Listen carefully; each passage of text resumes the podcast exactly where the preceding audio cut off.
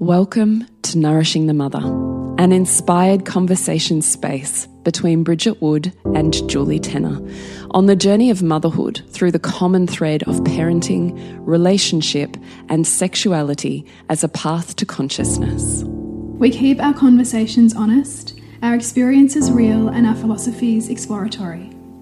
We believe that in order to raise incredible humans, we first have to raise ourselves. We know that in order to rock the family, you've got to nourish the mother. If you are here, you care about paving a path of conscious and intentional motherhood connected with yourself and your gifts, and also illuminating your children in theirs so we may raise more whole humans who can impact this world in a more humane way. If you desire to integrate your learnings practically and supportively, head on over to bridgetwood.life or julietenner.love to go deeper. And for all live streamed, pre release podcasts and all our free content, head over to our free Facebook group, Nourishing the Mother with Bridget Wood and Julie Tenner. We are Julie Tenner and Bridget Wood, and we are so grateful you're here. Hello, and welcome to Nourishing the Mother. I'm Bridget Wood. And I'm Julie Tenner. And today's podcast is how do we roll with lockdowns? Because if you're in Melbourne, we've just gone in lockdown 6.0 or we're on Sydney's lockdown. There's lockdowns that seem to spontaneously arise within 24 hours, and certainly has been a lived experience for those of our community listeners that are not in Australia. So we just thought we'll take this opportunity since we're in the trenches to really look at what do we do here? What does a lived experience look like? How do we help ourselves and our children through this with as much compassion and sanity as is possible? Yes, love it. And also, I know a lot of people in the Northern Hemisphere who are listening who perhaps are seeing a lot of the uh, commentary around this Delta variant and what's going on down here, and, and, thinking, yeah, we could be we could be going into that again when we come out of summer. So we felt like this was a relevant conversation wherever you find yourselves in the world, because whether you're living it or expecting to live it again, um, building our resilience and our perspective around this is paramount how we do it with, as Julie said, a level of sanity and compassion. Mm, because who would have thought this is our re reality? Like you could never have predicted this. No. And here in Melbourne, we were talking about coming out of restrictions because we'd gone into one lockdown 5.0, we'd come out of it and we had zero cases. And then 24 hours later, boom, we're back in lockdown mm. 6 no, and you have no idea it's coming. Like zero, we were donut day, and now mm. hardcore lockdown, which for us in Melbourne means don't leave your house outside of five reasons. Five kilometer mm. radius is is all you can travel to. No one in mm. your house. No public gatherings outside. Yeah, it's, it's intense. Yeah, children are home at school from school. Yeah.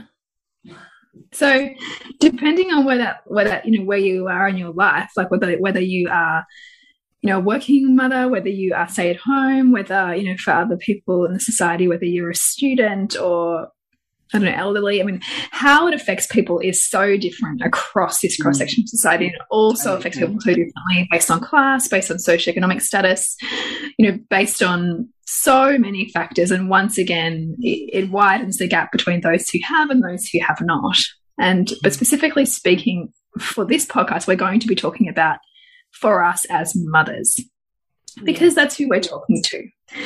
And there's a level of anxiety for mothers for a myriad of reasons for the quality of our children's education if they've come out of school, mm. for our capacity to meet our own needs because suddenly there is kids at home and we're trying to fit work around that and we're trying to run a home and feed our kids and shield them somewhat from the anxiety of the outer world that's coursing through our own bodies often.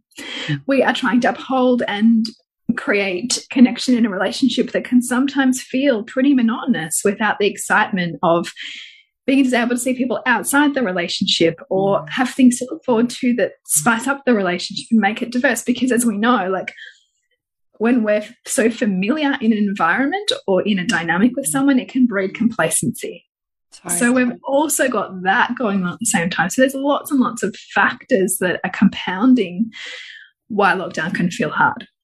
Oh, then, then you also add relationship difficulties and how you're in that, you know, space in the face of relationship challenge or challenge with a particular child. Like, I mean, basically, it's like, you know, you're really in the fire of whatever it is you're yeah. going through, and totally. you don't really, particularly based on your perceptions, if you feel like you have no way out of that, then it elevates your nervous system, your capacity to respond gets less, and then you keep the cycle going. So, 100%. how we resource ourselves here is paramount and it begins with the questions that we ask and the, the way that we find answers mm. that get us beyond the pattern of thinking that we're in. Mm. Mm. The only other challenge that I will just add, because I think it's really relevant for particularly the community of mums that I see around me, is also the financial strain that yeah. lockdowns specifically affect. So -hmm here at the moment, our government assistance is based on if you're GST registered, which means you earn over 75,000 in a year. But for most stay at home working mothers, mm. they're earning under that. And yet what they earn contributes to the livelihood of their family. Mm -hmm. And all of a sudden lockdown happens. And particularly, I would say, I see particularly my single mother friends for whom fit in this category, it's catastrophic Gosh, because like what you, have, you have no means to earn it. No means, yeah, and because you're shut down. For that, yeah, and there's no mm. support for that, right? Mm. Because you're not considered a large enough business.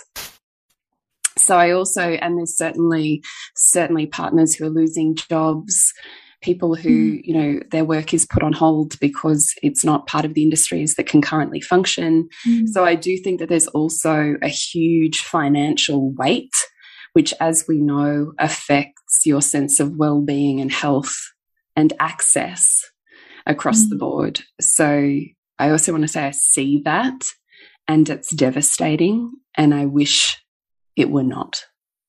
Mm. And that also speaks to the fact that I mean, mothers are largely unseen in the pandemic, and even the reports that came out last year around the impact of it on women. This is just yet another example, right? Like the fact that that's the, the sole traders or self-employed people not registered for GST, which is a government tax. Yes. Then you're on your own. Right and you're on your own for an indefinite period of time, particularly in Melbourne and Sydney, where there's no end, there's no end in sight. We're told that we could be continually in and out of lockdowns for the next six to 12 months. And that one stat said that we could expect, on average, every one out of three to four days in lockdown for the rest of the year. Mm. So there's no sense, oh, when I just, if we can just get past this week, or if we can just pay that bill, or if we can just. Mm that's not a reality mm. because we don't then know when the next one's coming. Yeah. So, and as we know, one of the biggest stresses in a relationship is money. Yeah. Yeah. One of the biggest why Yeah, I would love to just reflect back just while we're on that point, Bridge, if you're willing, is yeah. last year when your husband lost his job and we were in COVID and you were in this yeah me this mental physical um, I don't know how to how to phrase it, this fight or flight in your body that you are having to navigate and mm. regulate with the uncertainty of not having a salary coming in and having a dependent yeah. family. Mm. How what advice could you offer or wisdom, I'll say, what wisdom could you offer from your lived experience of that in mm. COVID, in lockdown, to other families and mothers that find themselves needing to balance all of that in their bodies too? Yeah. Um, first of all, I would look at immediately what we need to do is, um, and uh, obviously our brain and nervous system wants some sense of safety. So for me, what I immediately went to in my response was, how much savings have we got? Or where could we access money if we needed it, needed to, so that I felt like that would be a level of ease that I could meet. And so that's one way. And whether that's savings or something or an investment that you could sell or for some women or some families it's accessing your superannuation So you can mm -hmm. access $10,000 of superannuation every year yeah. based on financial hardship. So that might be another avenue if you don't have immediate savings. And then the next level after a sense of baseline financial safety, the next level after that is working on self worth and mental wellness because one of the biggest things, particularly for men when they lose their job, is that loss of self worth and that um, potential depression that can follow that because so many men derive so much of their identity from their work, often more so than women. So for me, working through that with my husband, it was a lot of talking about the skills that he'd already built, talking about the contracts that he'd won, talking about the relationships that he'd built, so that it was constantly looking at not what he'd lost, but actually who he was and what he had, and that when the time was right, those were going to be employed again.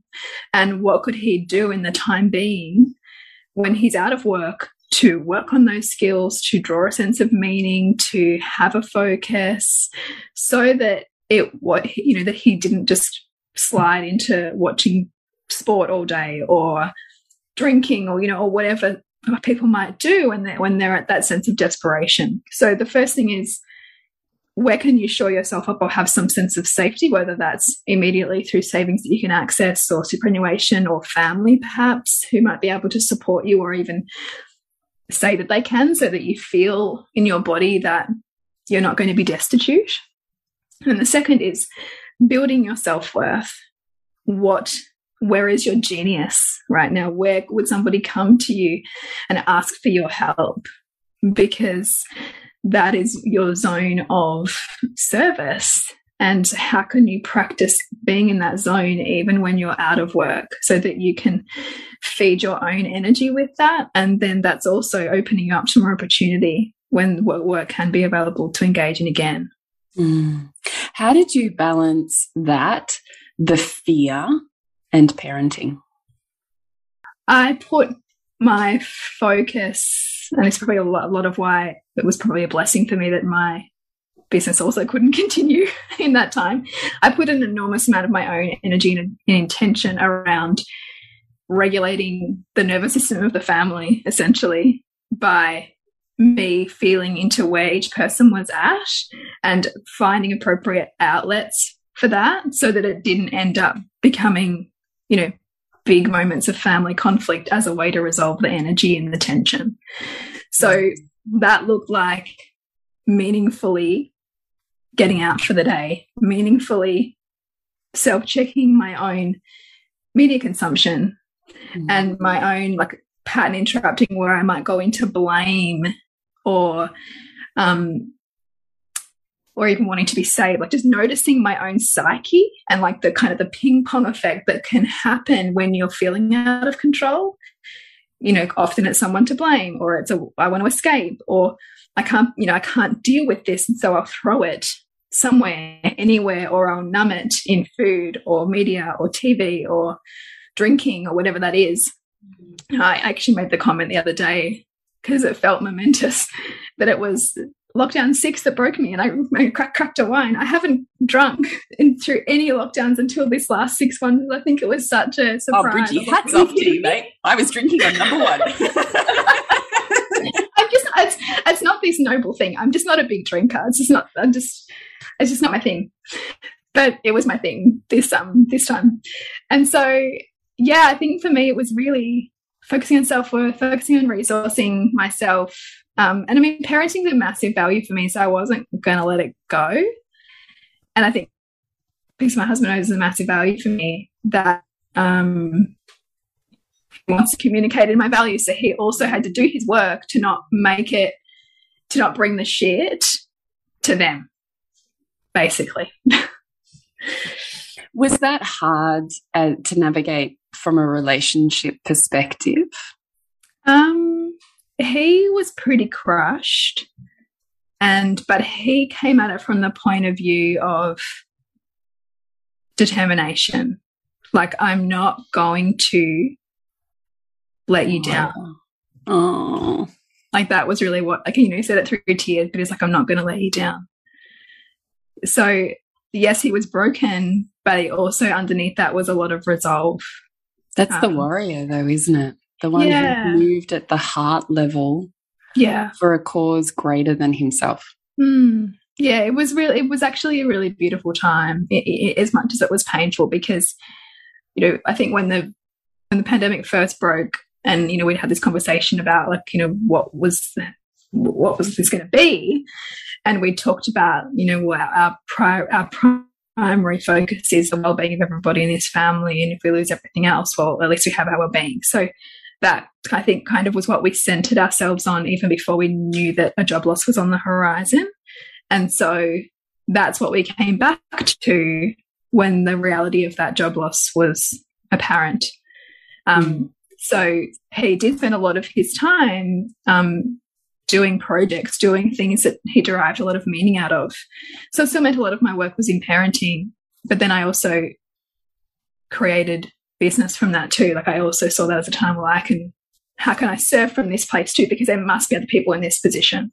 Mm. So I think I think it's trying to get out of yourself as much as you can. Like, how can I be rise beyond this place of my own pain and use it to be purposeful.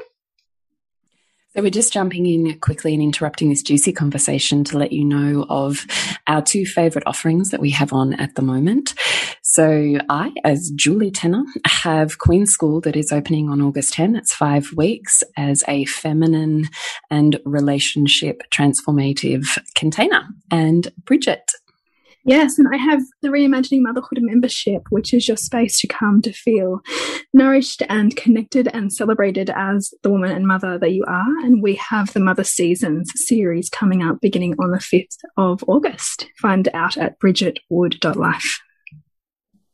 That requires a huge amount of emotional intelligence, though, doesn't it? Yeah, I think it does. And I am not saying it's easy, like, you know, the amount No, like, I'm not saying that you are, but I'm yeah, but yeah, just reflecting I, on that part, right?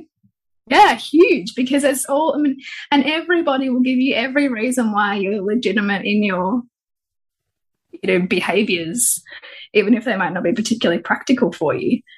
Everybody will give you every reason why you can blame the government or you can blame whoever's agenda or this this other person over here who's not doing the right thing, right? Like we want to blame like mm, the removalists mm -hmm. or the right? Like it's just easier to push it outside of ourselves and make someone else responsible. So I think, yeah, like keep coming back to what can I do? Like what do I have control over? And how can I continue to focus on that and not everything that's not everything that's beyond that? Mm. Because it's so easy to get down the rabbit hole of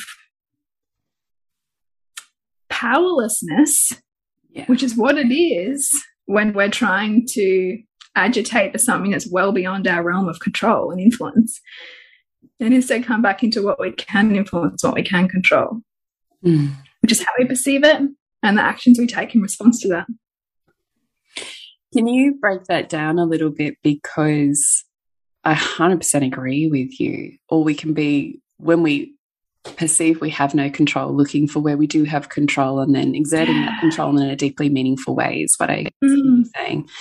Mm. Pretty hard to, I think, and harder still the more is it left wing or right wing? I never know which one I'm supposed to say. Like the more we hold alternative views. Yes. Yeah, well, the, no, well, I mean, left wing and right wing are like liberal. It's not even liberal anymore, I wouldn't say. But okay, so it's um, not even relevant to what I'm saying. Is that what you're saying? You're, you're, you're more polarized. Maybe you mean the more polarized. Okay, great. The more. Yes. Well, I don't know. Even I was just thinking. Oh, do you, do you mean like more alternative mm. views? Like if you so if you kind of because you either sit, I see two major narratives that that we live under, right? So you've got the media supported government um, progressive left. Yeah. Um, COVID is very real, very dangerous. We must be following every um, government recommendation, and that is our job to do. And then on that complete opposite, you have the whole thing is a scam. Mm. The vaccine is for depopulation purposes, right? So that they're the two extremes. Yeah. And then you have existing in the middle, most people. Yeah. Right most people exist somewhere on a spectrum in that middle point. Yeah.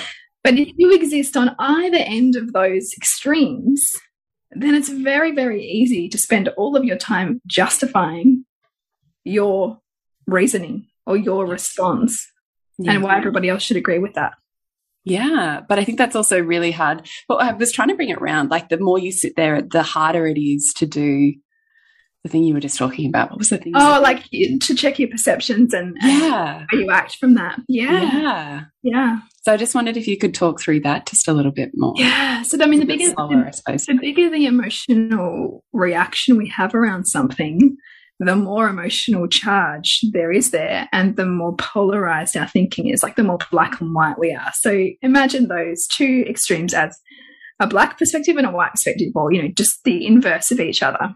And so they're very, very hard to hold. It's very hard to like hold two opposing viewpoints in your mind and still function.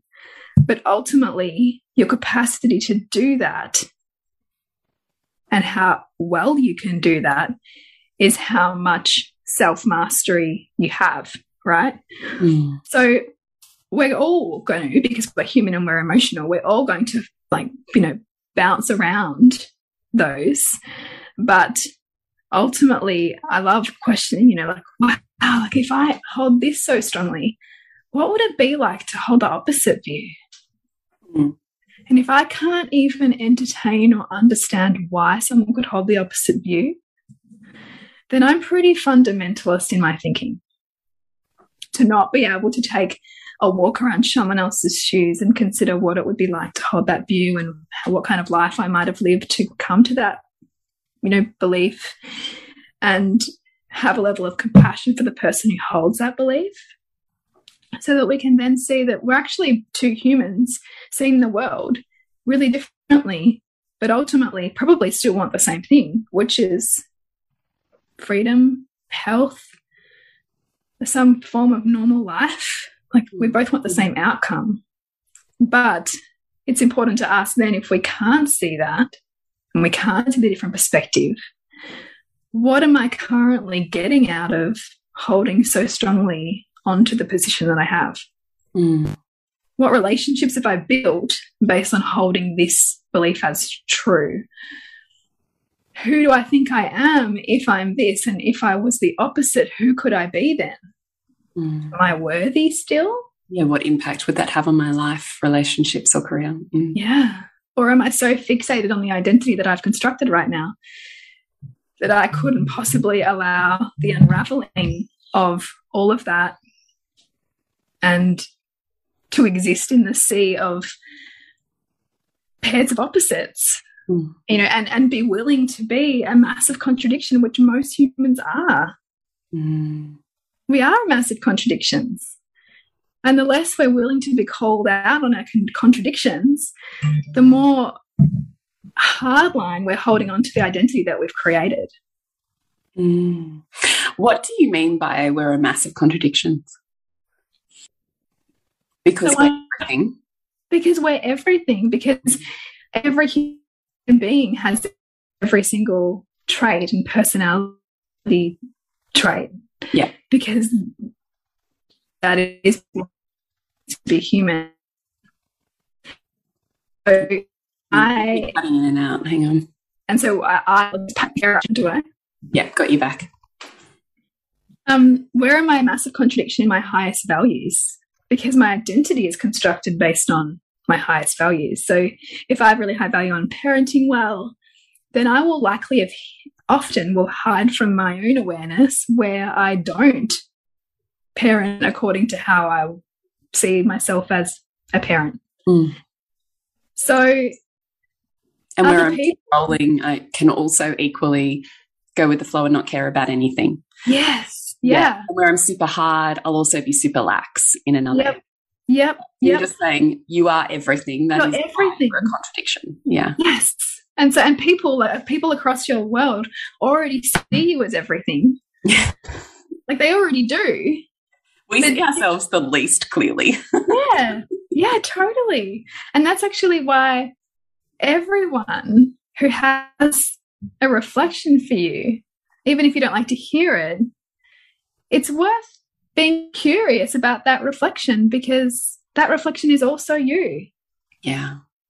and like I mean, the, the, some of the deepest, most painful reflections I've been having to look at has been as an experience I've been going through lately around being called a whole bunch of names and, and things online and looking at okay like well where am i like a toxic mother where can i find examples of what that looks like yeah fuck it's brutal work to, I'm to see yourself not willing it's brutal mm.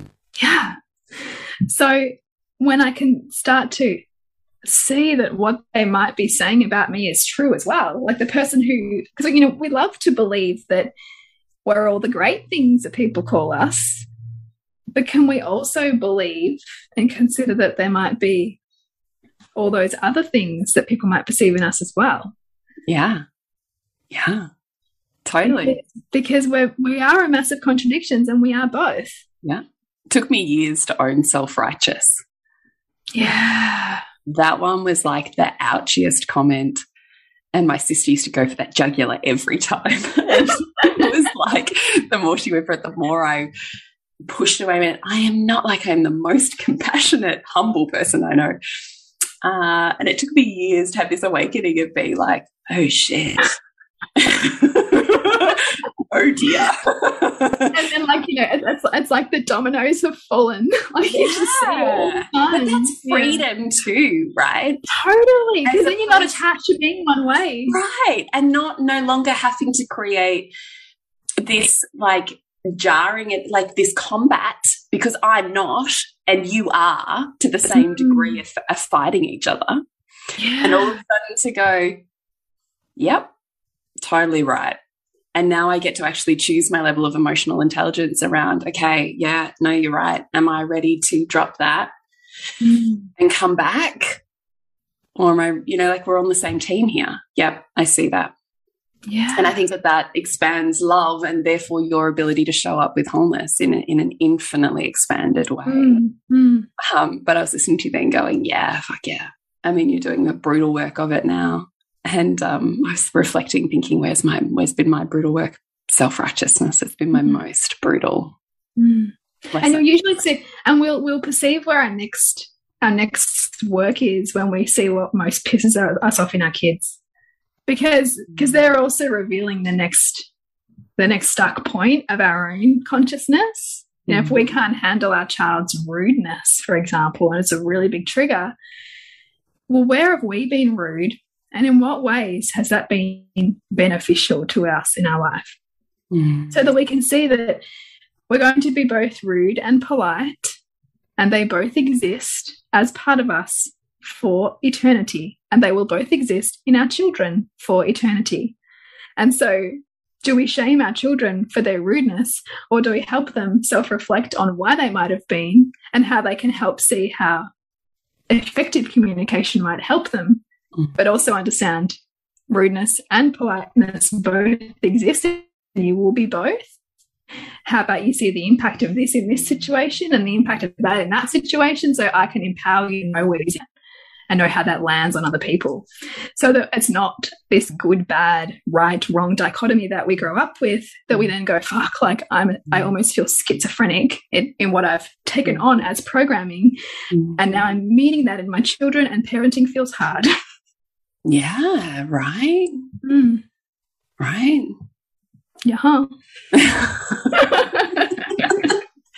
so I want to come back to when we're talking about how do we roll with lockdowns, and you had mentioned when you feel most out of control in terms of mm -hmm. you don't perceive you have control over your own life, it's wise to also ask where do you have control and make that control meaningful.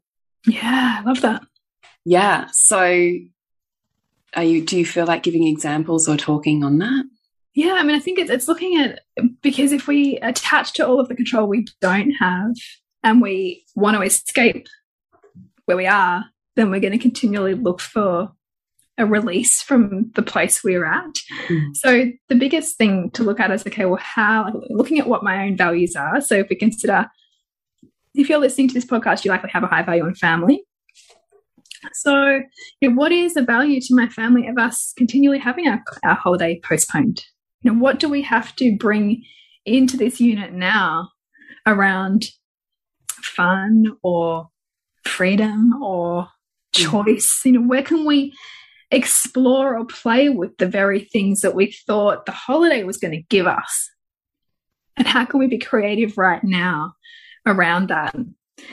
When I think that my child is missing out on education, where are they gaining education? How is this opportunity that we're faced with now a chance to give them different life skills that they might not have built now, but they need at some point. And so, how can this be a you know a learning incubator as opposed to this learning void? Um, I've actually forgotten the question, but what I'm looking control, just looking for control. Yeah. So where so where we have control, so you don't have control outside. But you know, I think also too, if you've if you've existed with a fairly privileged life in a system which has largely been set up for you to mm. coast through that system without much barrier, mm. which is you and me and a lot of people who listen to this mm. podcast, mm-hmm. then we actually have some emotional work to do. There's a we're kind of stunted because mm. this is the first time for many of us where we have been so profoundly blocked by the outer world. Mm to be able to meet and self actualize what we want. Amen. There are people who've been doing this shit since they were born. Yeah. And who have a level of resiliency to roll with, like the blocks and the controls and the, you know, the the the no, and mm. find their other ways and creative means around them. It's those of us who haven't had that intense so intensely that are then flailing. And so how observing how you see people who are more adaptable to this and ask how they've become more adaptable is insightful in terms of seeing what skills we could be building on creative thinking, on recognizing how much we've actually given away our power, on expe expecting governments to do things for us or make our life easy or do the right thing or plan long term. You know, one of the classic ones I find myself bitching about governments is their short termism. And you, we wouldn't be here with like crap hospitals if we didn't have such short political cycles and lack of long term visioning. Well, fuck, where am I not long term visioning my life? Because I'm just pissed off. I'm just pissed off at the external reflection that is me. Mm. They're just me. They're just a reflection. So where am I short term in my thinking, my visioning? Well, that's pretty humbling. Fuck. you know, if we could just turn it back on ourselves for a second and then go, oh right, okay, so if I if I mapped out what I want my next five years to be like, and I can see what I can do to achieve, you know, that here now, how is this meaningful? And then we've gone, oh my God, I'm, I'm in lockdown. So I now have like less time that I'm spending being a mum taxi. So I've actually got more time where I could probably read a book, you know, or I could teach my kid how to cook, or I could do other things that are going to empower me and empower them. So we actually both get to live in our values more meaningfully as opposed to being pulled every which way in, you know, that we get pulled when society is in full steam. So then actually that helps me bring myself back into control because I've now got all of this time that's free from free from being organized by institutions and extracurriculars that I can now spend doing what I'd really love and what my kid would really love. And that feels like an opportunity. That actually feels like freedom. So that is what we can ask ourselves is where I feel out of control, how can I control what's most meaningful to me right now? Because if what you wanted from a holiday is time with your family, exploring something, learning something new, being in a different environment, well, okay, how can you bring something new or something enticing or interesting or a different environment into your home now? Like my son and I are doing a deep dive. We're not doing school, we're doing a deep dive on Albert Einstein.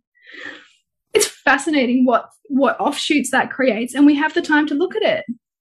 And we have the time to explore and we have the time to go to different worlds and talk about what it would have been like, what it have, would have been like in Hiroshima in 1944 after the atomic bomb was dropped. And we got to that because we learned about how Albert Einstein was a pacifist and never wanted the atomic nuclear technology.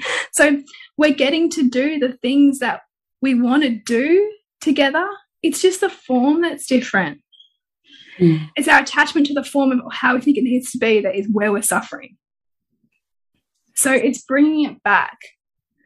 And this is like sometimes a daily practice, sometimes an hourly practice if we feel ourselves getting so triggered on a new lockdown extension or a new announcement. How do we bring it back into our kind of circle of control and influence? I love it so much. I just feel like I could just sit here and listen to you. It's so inspiring. Um, Thanks. yeah, so I mean that that'd be my invitation to look at like what you feel like you're missing or not going to get not going to be able to experience and how can you find it in a different form?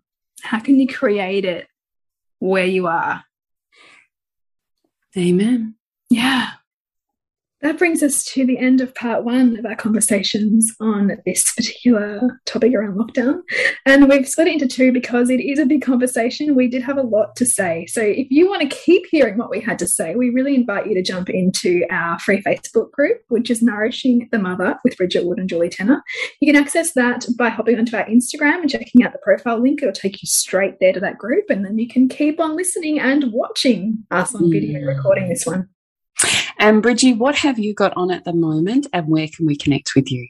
Yeah, so I'd love to invite you if you're feeling a sense of needing to connect to community at this time or just be really supported in your parenting and mothering journey, to hop into reimagining motherhood. It really is a space to rewrite how we do motherhood in, from a place of deep nourishment for who we are as well as who our children are. So we are doing the mother season. So all about the age and stages of your children, but also you and what comes up for you at this time and how you can grow in a really rich and beautiful way alongside your child child. So check that out at bridgetwood.life. And what about you, Jules? You've got Queen School coming up. Yes, so Queen School officially opens today and is only open for another 48 hours before we re release again in February. So that's a five week relationship focused, feminine focused container. So you can find out more at julietenner.love. Beautiful. Remember to nourish the woman to rock the family. And we'll see you next week when we continue to peel back the layers on your mothering journey. Thank you so much for listening. We literally couldn't do this without you. Please share this podcast with anyone you think it would be medicine for. If you desire to integrate your learnings practically and supportively into your life, then head on over to bridgetwood.life or julietenner.love to go deeper. And if you feel like giving back a little to this free content, please rate us on iTunes or Facebook all of which helps the podcast reach more mamas who need this type of tonic for the soul.